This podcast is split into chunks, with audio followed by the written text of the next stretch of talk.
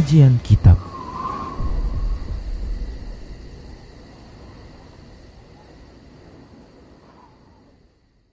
Bismillah, Assalamualaikum warahmatullahi wabarakatuh. Innal hamdalillah Nahmaduhu wa nasta'inuhu wa nastaghfiruh. Wa na'udhu billahi min syururi anfusina Wa min sayyiati a'malina. Man yahdihillah fala mudhillalah Wa man yudlilhu fala hadiyalah وأشهد أن لا إله إلا الله وحده لا شريك له وأشهد أن محمدا عبده ورسوله صلى الله عليه وسلم. قال الله تبارك وتعالى يا أيها الذين آمنوا اتقوا الله حق تقاته ولا تموتن إلا وأنتم مسلمون. يا أيها الناس اتقوا ربكم الذي خلقكم من نفس واحدة وخلق منها زوجها وبث منهما رجالا كثيرا ونساء. واتقوا الله الذي تساءلون به والأرحام. إن الله كان عليكم رقيبا. يا أيها الذين آمنوا اتقوا الله وقولوا قولا سديدا. يصلح لكم أعمالكم ويغفر لكم ذنوبكم. ومن يطع الله ورسوله فقد فاز فوزا عظيما. أما بعد فإن أصدق الحديث كتاب الله. وخير الهدى هدى رسول الله صلى الله عليه وسلم وشر الأمور محدثاتها وكل محدثة بدعة وكل بدعة ضلالة وكل ضلالة في النار Para pemirsa Rosyad TV di, di mana saja Anda berada rahimani warahmatullah beserta para pendengar radio Medan Mengaji rahimani wa rahimakumullah. Kita lanjutkan pembahasan kitab Minhajul Muslim dalam bab akidah dan kita masih membahas tentang wali-wali Allah Subhanahu wa taala beserta dengan karomah-karomah, kemuliaan-kemuliaan yang Allah Subhanahu wa taala telah berikan kepada mereka. Dan ini merupakan penjelasan dan keyakinan ahlu sunnah wal jamaah keyakinan seorang muslim, keyakinan seorang ahlu sunnah wal jamaah bahwasanya Allah Subhanahu wa taala memiliki wali-wali yaitu hamba-hamba pilihan yang Allah Subhanahu wa taala pilih dari kalangan hambanya untuk beribadah kepadanya, mentaatinya, Allah mencintai mereka dan mereka mencintai Allah Subhanahu wa taala.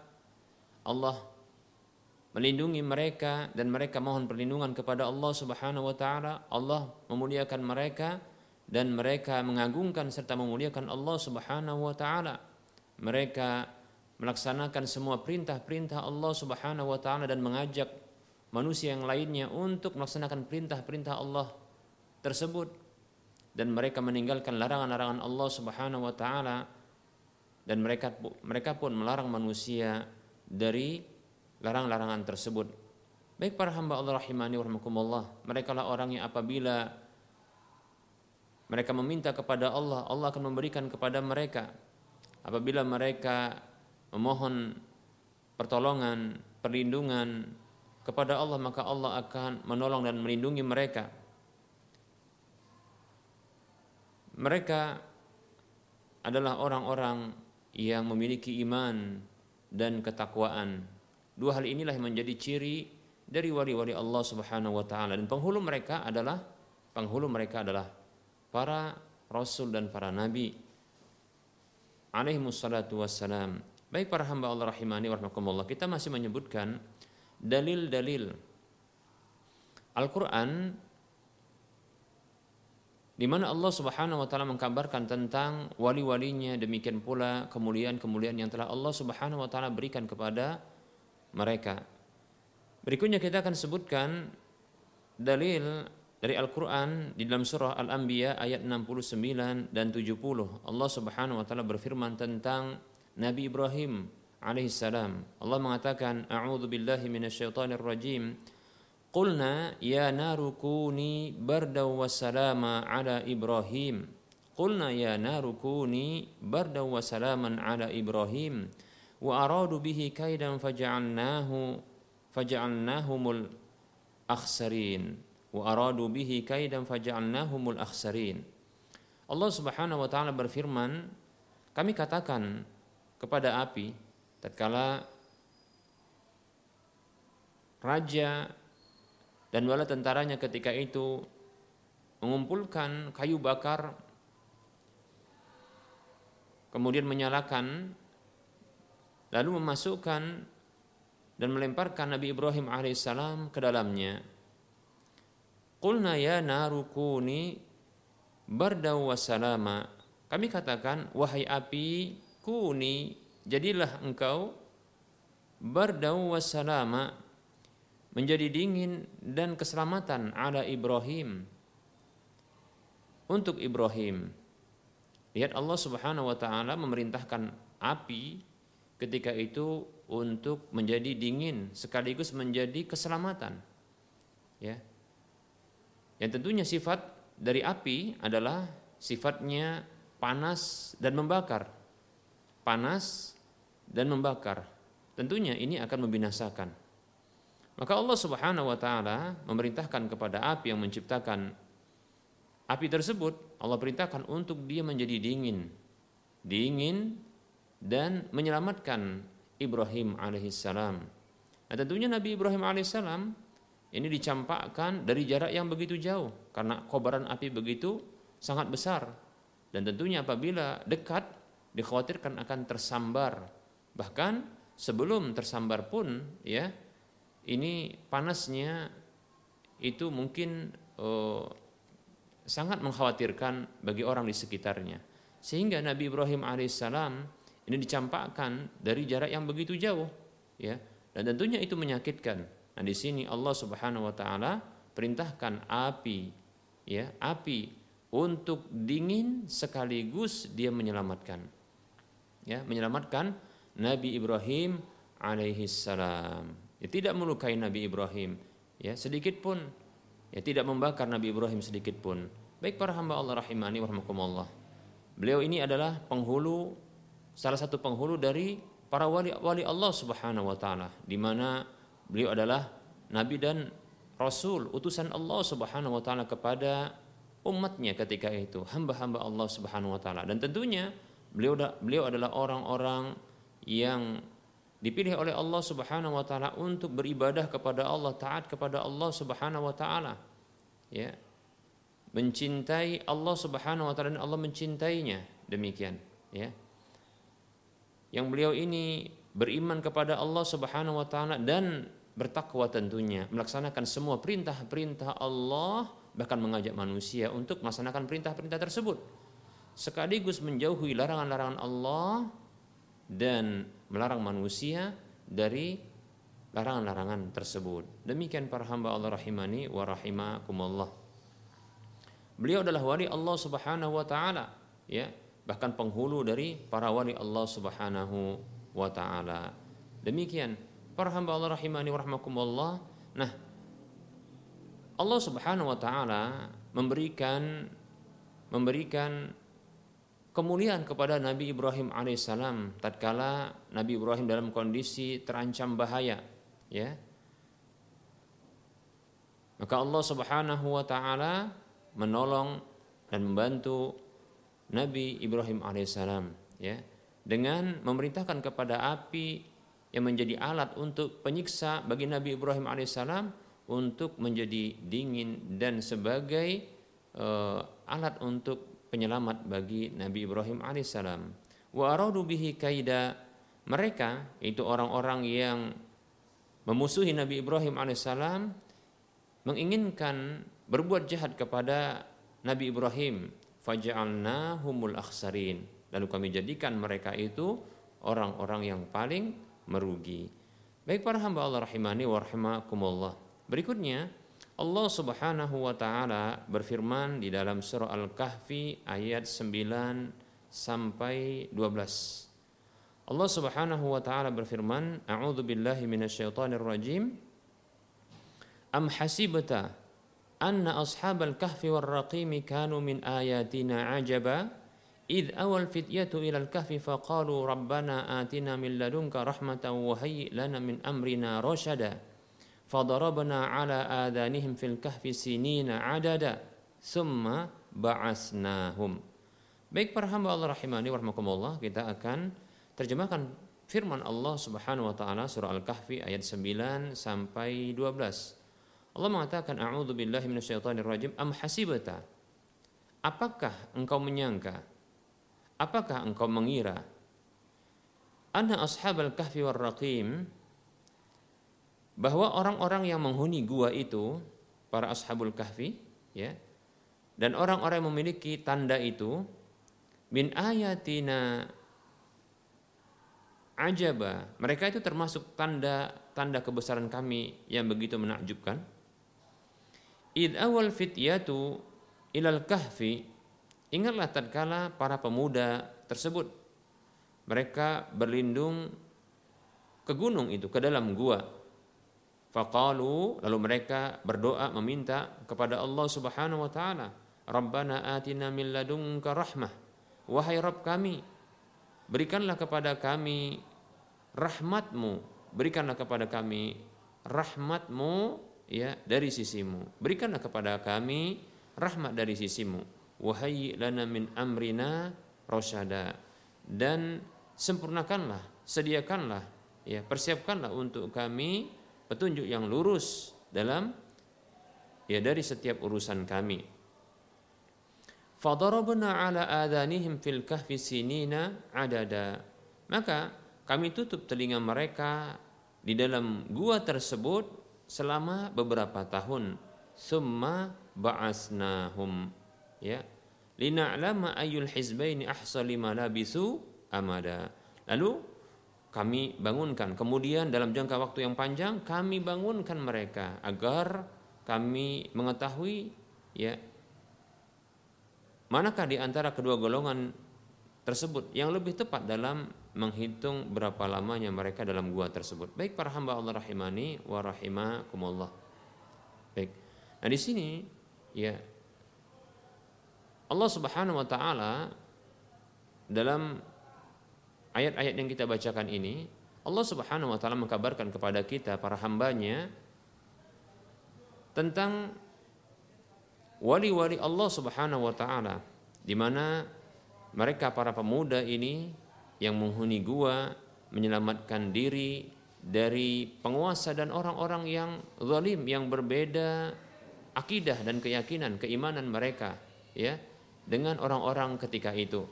Dan mereka berlindung ke dalam gua tersebut untuk menyelamatkan diri mereka dan agama mereka ya. Agar mereka tetap terus berada di atas keimanan dan ketaatan ketakwaan kepada Allah Subhanahu wa taala. Mereka inilah wali-wali Allah Subhanahu wa taala. Maka Allah Subhanahu wa taala memberikan kemuliaan kepada mereka. Memberikan kemuliaan kepada mereka dengan menyelamatkan mereka melindungi mereka di dalam gua ya dalam jangka waktu yang begitu lama ya. Baik para hamba Allah rahimani wa rahimakumullah. Nah ini eh, pengkabaran Allah Subhanahu wa taala di dalam Al-Qur'an tentang wali wali Allah dan kemuliaan-kemuliaan yang telah Allah Subhanahu wa taala berikan kepada mereka. Berikutnya kita akan sebutkan Pengkabaran Nabi kita Muhammad sallallahu alaihi wasallam tentang wali-wali Allah Subhanahu wa taala dan kemuliaan yang telah Allah Subhanahu wa taala berikan kepada mereka. Dalam hadis yang pernah kita sampaikan ya, juga masih dalam membahas ya kitab ini yaitu tentang hadis wali ya hadis yang diriwayatkan oleh Imam Bukhari ya dalam kitab sahih beliau di mana Rasulullah Shallallahu Alaihi Wasallam menyampaikan tentang meriwayatkan firman Allah Subhanahu Wa Taala. Allah Subhanahu wa taala Allah Azza wa Jalla berfirman man ada li waliyan faqad adzantuhu bil harbi. Siapa saja memusuhi waliku maka sungguh aku akan aku ya telah umumkan peperangan dengannya. Lihat ya. Ini pernah kita sampaikan tapi tidak mengapa kita ulang bahwa Allah Subhanahu wa taala memiliki wali-wali yang Allah Subhanahu wa taala melindungi mereka, ya. Nah, siapa saja mengganggu wali-wali Allah Subhanahu wa taala, memusuhi wali-wali Allah Subhanahu wa taala, maka Allah Subhanahu wa taala membela para walinya. Bahkan ya Allah umumkan peperangan dengan orang yang mengganggu para wali-wali Allah Subhanahu wa taala ya. Dan wali-wali Allah Subhanahu wa taala itu cirinya adalah dia terus mendekatkan dirinya kepada Allah Subhanahu wa taala dengan amal-amal yang paling dicintai oleh Allah Subhanahu wa taala berupa amal-amal wajib yang telah Allah wajibkan kepada dirinya. Ya. Begitu juga para wali Allah tersebut ya senantiasa mendekatkan dirinya kepada Allah Subhanahu wa taala dengan amal-amal sunnat agar dia semakin dicintai oleh Allah Subhanahu wa taala. Allah Subhanahu wa taala mengkabarkan berikutnya ya dalam hadis ini wa ma taqarraba ilayya 'abdi bi syai'in ahabba ilayya mimma aftaradtuhu alaihi dan tidaklah dan tidaklah ya hambaku yaitu para waliku tersebut waliku mendekatkan dirinya kepadaku dengan sesuatu yang lebih aku cintai ya ketimbang apa yang telah aku kepadanya lihat ya ini menunjukkan bahwasanya perkara yang wajib, sesuatu yang Allah Subhanahu wa taala wajibkan kepada para hambanya itu merupakan sesuatu yang paling dicintai oleh Allah Subhanahu wa taala. Ya, sesuatu yang paling dicintai oleh Allah Subhanahu wa taala. Dari sini bisa kita ambil kesimpulan ya bahwa Islam ya Islam itu memiliki skala prioritas ya. Dalam ajaran Islam itu ada skala prioritas yaitu mendahulukan yang paling wajib kemudian yang wajib. Demikian para hamba Allah rahimani warahmatullah.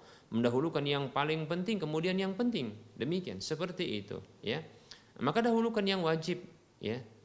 Oleh karenanya ini yang semestinya kita kita uh, kita pahami dan kita aplikasikan ya. Di mana kita lebih mendahulukan perkara-perkara yang telah Allah wajibkan kepada kita ya bukan lebih memperhatikan perkara-perkara sunat lalu mengabaikan perkara-perkara yang wajib. Namun hendaknya kita lebih ya memperhatikan ya perkara-perkara yang wajib bukan yang sunat. Demikian ya, bukan yang sunat ya lalu ditinggalkan yang wajib demikian.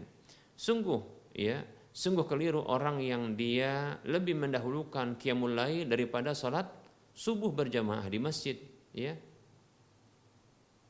Sungguh keliru orang yang mereka ya mendahulukan ya salat berjamaah mendahulukan salat qiyamul lail ya qiyamul lail ya namun terluputkan dari salat berjamaah di masjid. Baik para hamba Allah rahimani wa rahimakumullah. Bahkan dalam satu hadis ya Nabi Shallallahu alaihi wasallam Salat berjamaah subuh itu ya itu dihitung oleh Allah Subhanahu wa taala itu seperti salat malam seluruhnya. Dalam sebuah hadis yang diriwayatkan oleh Imam Muslim dalam kitab sahihnya dari sahabat Utsman radhiyallahu anhu ia mengatakan Rasulullah sallallahu alaihi wasallam beliau bersabda man shalla al-isya'a fi jama'atin faka'annama qama nisfal laili Siapa saja yang sholat isya berjamaah dalam kondisi berjamaah maka seolah-olah dia berdiri sholat setengah malam. Ya luar biasa.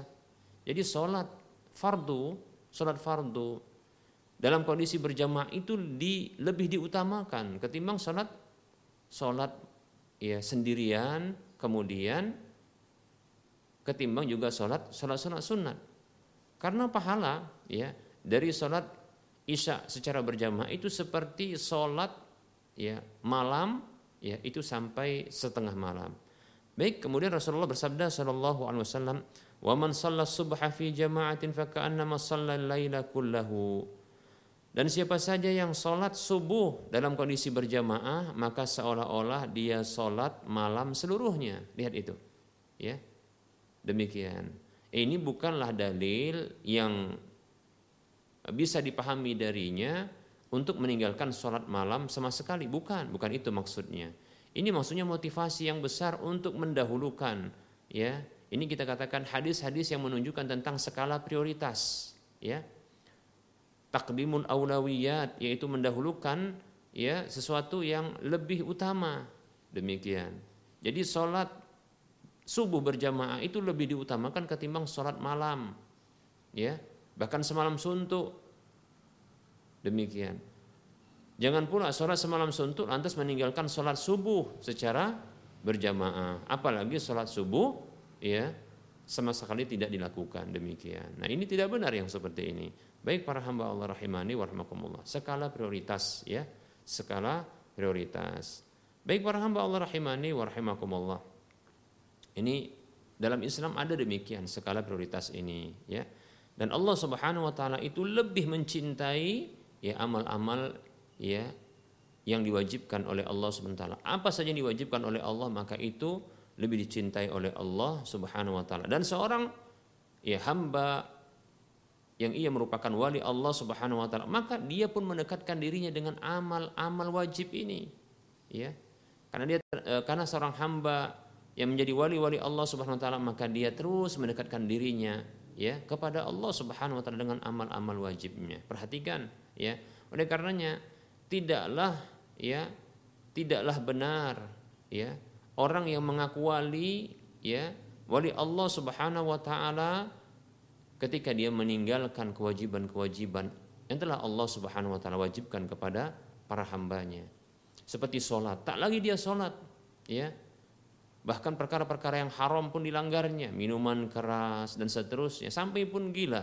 Maka ini bukanlah wali Allah Subhanahu wa taala. Karena wali Allah Subhanahu wa taala senantiasa dia mendekatkan dirinya kepada Allah dengan amal-amal kewajiban. Bahkan berikutnya ya Allah mengkabarkan dalam hadis qudsi ini wala yazalu 'abdi yataqarrabu ilayya bin hatta dan senantiasa perhatikan wala yazalu. Nah di sini Allah Subhanahu wa taala menggunakan ya uh, fiil mudhari wala yazalu Kalimat senantiasa tapi dengan fi'il mudhari. Yang ini maknanya adalah saat ini dan seterusnya, senantiasa. Senantiasa hambaku itu yataqarrabu ilayya, mendekatkan dirinya ya kepadaku, senantiasa. Jadi seorang wali Allah itu senantiasa terus dia mendekatkan diri kepada Allah. Dia melakukan amal-amal yang diwajibkan oleh Allah Subhanahu wa taala tanpa dia meninggalkan sedikit pun. Dan juga dia meninggalkan apa yang diwajibkan oleh Allah untuk ditinggalkan. Ya. Maka dia tinggalkan demikian. Bahkan dia mendekatkan dirinya kepada Allah Subhanahu wa taala dengan amal-amal sunnatnya bin nawafili dengan amal-amal sunnat. Jadi wali Allah itu tidak hanya melakukan hal-hal yang wajib bahkan juga ya amal-amal sunnat hatta uhibbahu sampai Allah sampai aku kata Allah ya mencintainya lihat ya jadi seorang wali Allah senantiasa ter, terus dia aktif, aktif. Dia melakukan apa saja yang membuat Allah Subhanahu wa taala itu semakin mencintainya. Semakin dia dekat dengan Allah, semakin Allah mendekatkan dirinya kepadanya. Demikian para hamba Allah rahimani wa rahimakumullah. Bukan seorang wali itu dia meninggalkan kewajiban ya, melakukan keharaman-keharaman, bahkan ya akal pun ya dia hilangkan. Baik para hamba Allah rahimani wa rahimakumullah. Fa idza ahbabtuhu kuntu sam'ahu alladhi yasma'u bihi apabila aku telah mencintainya maka aku menjadi pendengaran yang dengannya dia mendengar dengannya ya maka aku menjadi pendengaran yang dengannya dia mendengar. Maksudnya adalah ya Allah membimbing pendengarannya. Kuntu sam'ahu alladhi yasma'u bihi. Aku menjadi pendengaran yang dia mendengar dengannya. Wa basarahu alladhi yubsiru bihi. Dan menjadi penglihatannya yang dia melihat dengannya. Wa yadahu allati yabtisu biha. Dan menjadi tangan yang dia menyentuh dengannya. Wa allati yamshi biha. Dan menjadi kakinya yang dia berjalan dengannya. Baik para hamba Allah rahimani wa Maksudnya adalah Allah Subhanahu wa taala membimbing pendengaran, penglihatan, tangan dan kakinya untuk diarahkan ya tangannya tersebut ya penglihatannya kemudian pendengarannya penglihatannya tangannya dan kakinya kepada apa saja yang diridhoi oleh Allah dan dicintai oleh Allah Subhanahu wa taala sehingga Allah semakin mencintainya demikian semoga Allah Subhanahu wa taala menjadi menjadikan kita sebagai wali-walinya, hamba-hambanya yang melakukan pendekatan kepada Allah, terus mendekati Allah, mendekatkan diri kepada Allah Subhanahu wa taala dengan amal-amal yang diwajibkan, demikian pula amal-amal sunnat. Baik.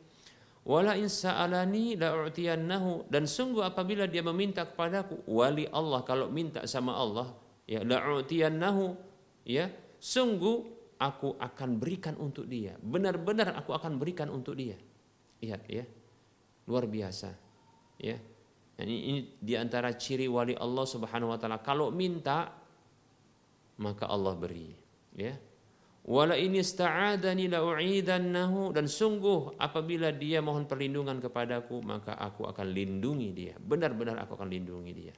Ya. Maka di antara ciri wali Allah kalau minta perlindungan kepada kalau minta perlindungan minta perlindungan kepada Allah. Kalau minta tolong minta tolong kepada Allah. Kalau berdoa doa kepada Allah. Itu wali Allah Subhanahu wa taala. Dan apa yang dimintanya Allah beri apa yang dimohonkan perlindungan itu Allah lindungi ya kemudian apa yang dibutuhkan pasti Allah kasih baik para hamba Allah rahimani warahmatullah ini hadis hadis yang diriwayatkan oleh Imam Bukhari. Semoga Allah Subhanahu wa taala menjadikan kita hamba-hamba Allah yang terus mendekatkan diri kepada Allah Subhanahu wa taala sehingga Allah menjadikan kita sebagai wali-walinya di sisinya.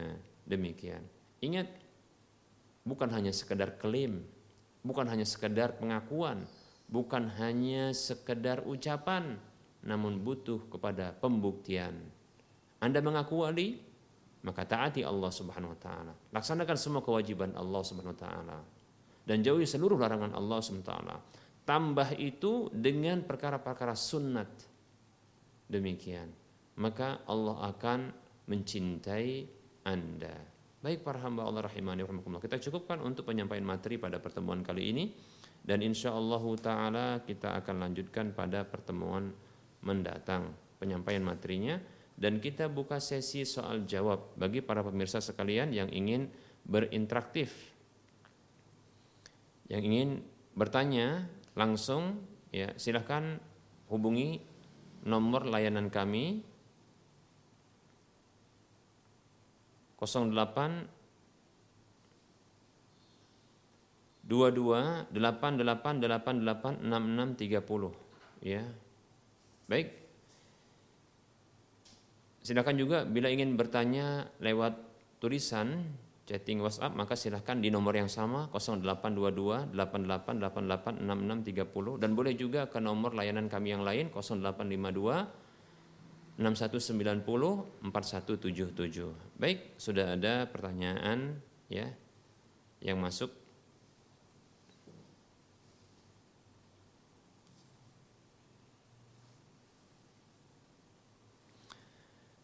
Ada pertanyaan di sini, Assalamualaikum Ustadz, di daerah saya tadi malam melakukan salawat burdah keliling untuk wabah corona. Apakah ibadah seperti ini ada dasarnya Ustadz? Baik ya. Perlu diketahui bahwasanya syariat itu dan ibadah itu itu milik Allah Subhanahu wa taala. Ya. Itu adalah hak Allah Subhanahu wa taala. Maka dialah yang berhak untuk mensyariatkan sebuah ibadah. Ya. Tidak boleh bagi kita untuk mengarang-arang ibadah tersebut. Nah, ini sering kita sampaikan agar ya ini tertanam di dalam jiwa dan diri kita agar kita tidak serampangan ya melakukan sesuatu yang kita anggap baik ya lalu kita lakukan ibadah yang kita nyatakan ibadah padahal belum tentu Allah Subhanahu wa taala ya ridho dengan hal tersebut Allah Subhanahu wa taala berfirman dalam surah Asy-Syura ayat 21, Allah mengatakan a'udzu billahi minasyaitonir rajim. Am lahum syuraka'u syara'u lahum minad dini ma lam ya'dam bihillah. Apakah mereka itu memiliki sekutu-sekutu yang mensyariatkan untuk mereka dari agama ini sesuatu yang tidak diizinkan oleh Allah Subhanahu wa taala? Baik Allah dalam ayat ini memberikan kabar kepada kita bahwasanya dia tidak rela, tidak ya, rela dia diibadahi dengan cara makhluk. Dibuat syariat dalam agama Allah ini sesuatu yang tidak Allah berikan izin. Salawat burdah. Ya, kita tidak tahu apa bunyi selawatnya. Ya. Kemudian apa maknanya? Kemudian apakah ada cara demikian? Padahal ya sebenarnya ada cara yang disyariatkan ketika tertimpa sebuah musibah ya maka hendaknya ya lakukan doa kepada Allah Subhanahu wa taala. Ya bukan malah dengan cara ya melakukan ya uh, salawat yang ini dibuat-buat demikian ya. Nah, tentunya bagi orang yang melaksanakan bentuk selawatan seperti itu, mereka lah yang dituntut untuk mendatangkan dalilnya. Ya. Karena sesungguhnya Nabi kita Muhammad sallallahu alaihi wasallam bersabda dalam sebuah hadis yang diriwayatkan oleh Imam Bukhari dan Muslim, ya demikian pula Imam Muslim dalam uh, ungkapan yang lain, nanti kita akan kita akan sebutkan dari ibunda Aisyah radhiyallahu anha Rasulullah SAW bersabda, "Man ahdatsa fi amrina hada ma laysa minhu fahuwa raddun."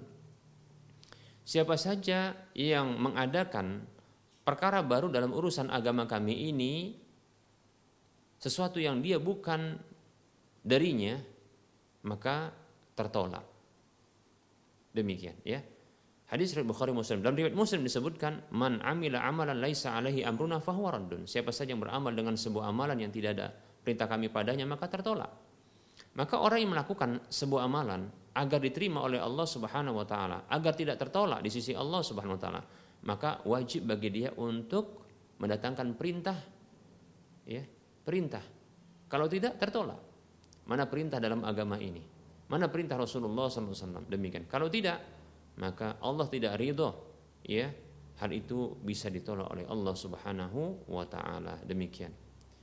Ya kita lihat saja apakah Allah mengabulkan setelah itu ya. Apakah Allah sementara mengabulkan setelah itu? Demikian ya. Yang jelas ya Walaupun bisa jadi juga ketika seseorang berdoa walaupun dengan cara yang disyariatkan oleh Allah namun juga tak kunjung ya dikabulkan bukan berarti amal tersebut adalah amal yang tertolak ya.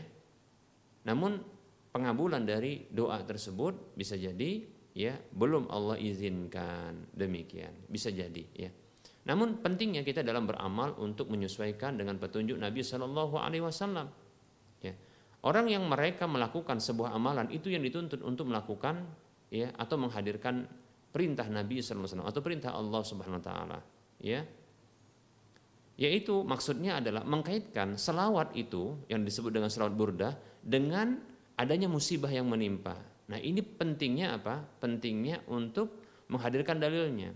Ya, kalau kita katakan berselawat, betul kata Nabi SAW, ya Man shalla alayya wahidatan sallallahu alaihi asyra. Siapa yang bersalawat kepadaku 10 kali maka Allah akan bersalawat kepadanya siapa yang bersalawat sekali kepadaku maka Allah akan bersalawat kepadanya 10 kali. Demikian. Nah, namun dalil yang yang diinginkan, yang kita inginkan adalah dalil di mana selawat burda ini itu memang ya disyariatkan untuk musibah yang melanda wabah yang yang ada demikian seperti itu ya. Nah ini perlunya. Andaikan maaf ini ya, andaikan, andaikan mereka atau orang yang mengamalkan tersebut bisa mendatangkan dalilnya, bisa mendatangkan dalilnya, ya, baik itu dari Al-Quran maupun hadis Nabi SAW tentang salawat burda untuk sebuah amalan yang dilakukan agar bisa menghilangkan wabah atau musibah yang menimpa. Bila ada dalilnya secara khusus demikian maka insya Allah taala saya akan rujuk dari pendapat saya ya. Maka bahkan ya orang-orang yang semisal dengan kita semua ya saya juga ya anda yang komitmen dengan petunjuk Nabi maka insya Allah taala juga akan melakukan hal yang sama. Bila memang demikian ada petunjuk Nabi Shallallahu Alaihi Wasallam padanya. Namun apabila tidak, maka sesungguhnya ya orang yang melakukannya mereka lah yang dituntut untuk mendatangkan perintah Nabi Shallallahu Alaihi Wasallam ya pada amalan yang mereka lakukan tersebut ya wallahu taala alam. Oleh karenanya saya pribadi ya tidak berani untuk melakukannya karena khawatir tertolak. Demikian wallahu taala alam. Berikutnya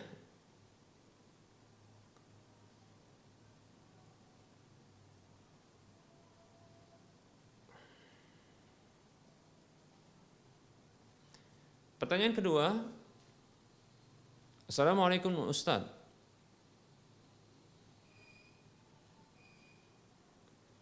Di Bank Syariah Indonesia ada akad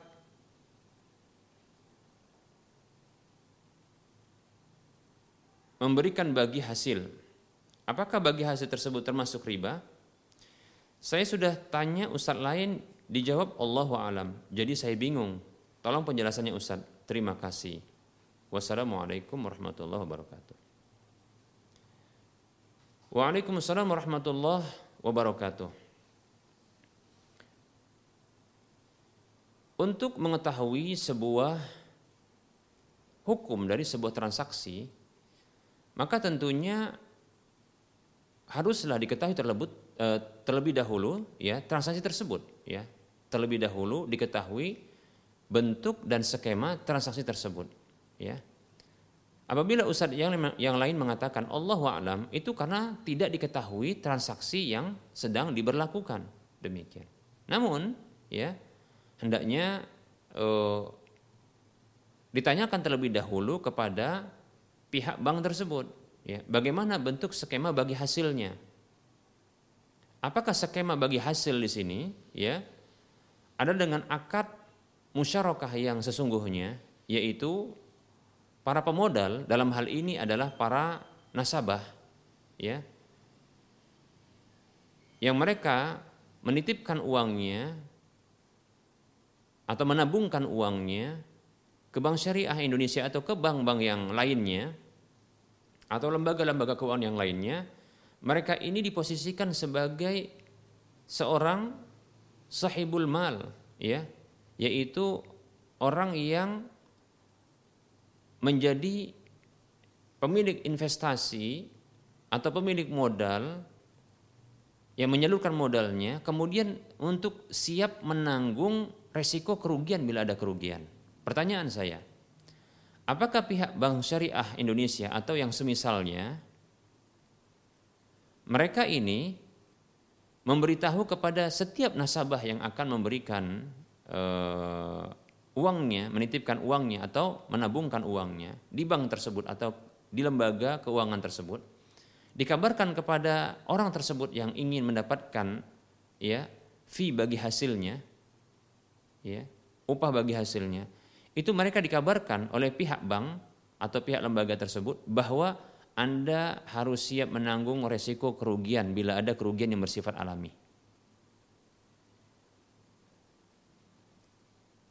Baik, pertanyaan kedua, ya, apakah betul-betul pihak nasabah seluruhnya, masing-masingnya, mereka itu siap untuk menanggung resiko kerugian? Kalaulah tidak ada pertanyaan demikian, apakah setiap nasabah ya itu siap untuk menanggung resiko kerugian?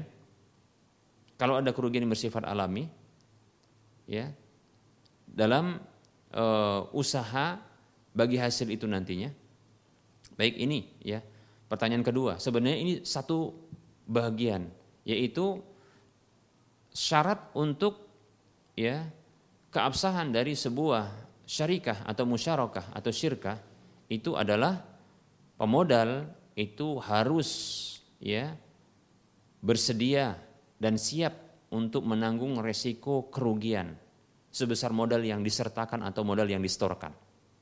Ya, demikian. Kalau ada kerugian yang bersifat alami tentunya. Kira-kira siap tidak? Demikian. Nah, kalau tidak siap, maka sesungguhnya dana yang distorkan tersebut atau dana yang ditabungkan atau dana yang di dititipkan tersebut kepada pihak perbankan atau lembaga keuangan tersebut, ini apabila digunakan ini murni hutang piutang. Apabila dijamin keamanan dari uang yang disetorkan tersebut, ini hutang piutang.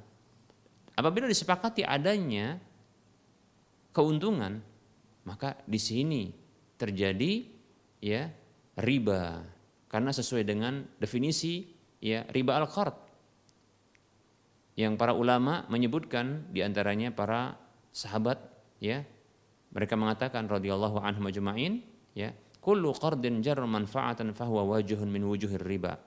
Setiap hutang piutang yang menarik keuntungan maka itu adalah salah satu dari bentuk-bentuk riba demikian. Itu riba al-qard, riba hutang piutang seperti itu. Belum lagi syarat berikutnya yaitu ya diharuskan bagi setiap pemodal ya itu mereka diikut sertakan dalam rapat ya rapat para investor pemilik modal demikian agar diketahui ya usaha mana saja yang dana mereka itu ya telah mereka setorkan itu diarahkan demikian dan tentunya harus memastikan usaha-usaha tersebut haruslah usaha yang halal Demikian. Nah, seperti itu. Demikian. Nah, ini beberapa syarat. Ini belum kita sebutkan semua syaratnya. Tapi yang menjadi ciri khas ya pembeda antara ya akad hutang piutang dengan akad bagi hasil atau akad ya musyarakah atau syirkah atau syarikah adalah kesiapan dari setiap pemodal untuk menanggung ya kerugian yang bersifat alami atau force major ya sesuai dengan modal yang disetorkan atau disertakan. Demikian ya. Maka lihat tanyakan kepada mereka. Demikian. Saya yakin setiap nasabah apabila dinyatakan ya Anda harus siap menanggung resiko kerugian, mereka nggak akan jadi untuk ya setorkan uangnya ke bank tersebut. Ya. Ini keyakinan yang 100% insya Allah taala demikian. Karena setiap nasabah inginkan apa? aman dan terjaminnya uang yang dititipkan tersebut. Wallahu taala a'lam.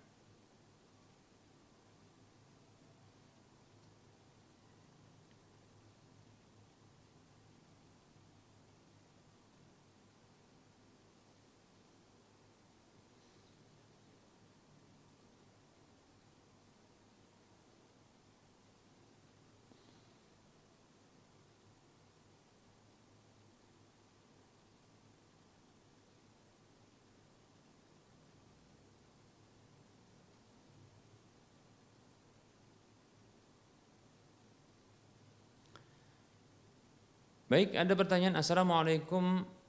Ustadz saya mau bertanya saat puasa saya kira sudah waktu berbuka. Karena saya dengar di masjid sudah mengatakan berbuka. Lalu saya langsung minum. Ternyata setelah saya minum suara di masjid suara bacaan Al-Quran ngaji gitu ya.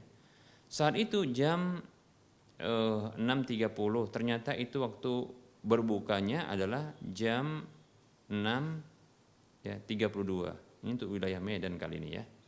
Apakah puasa saya terhitung atau batal Ustaz? Jazakallahu khairan.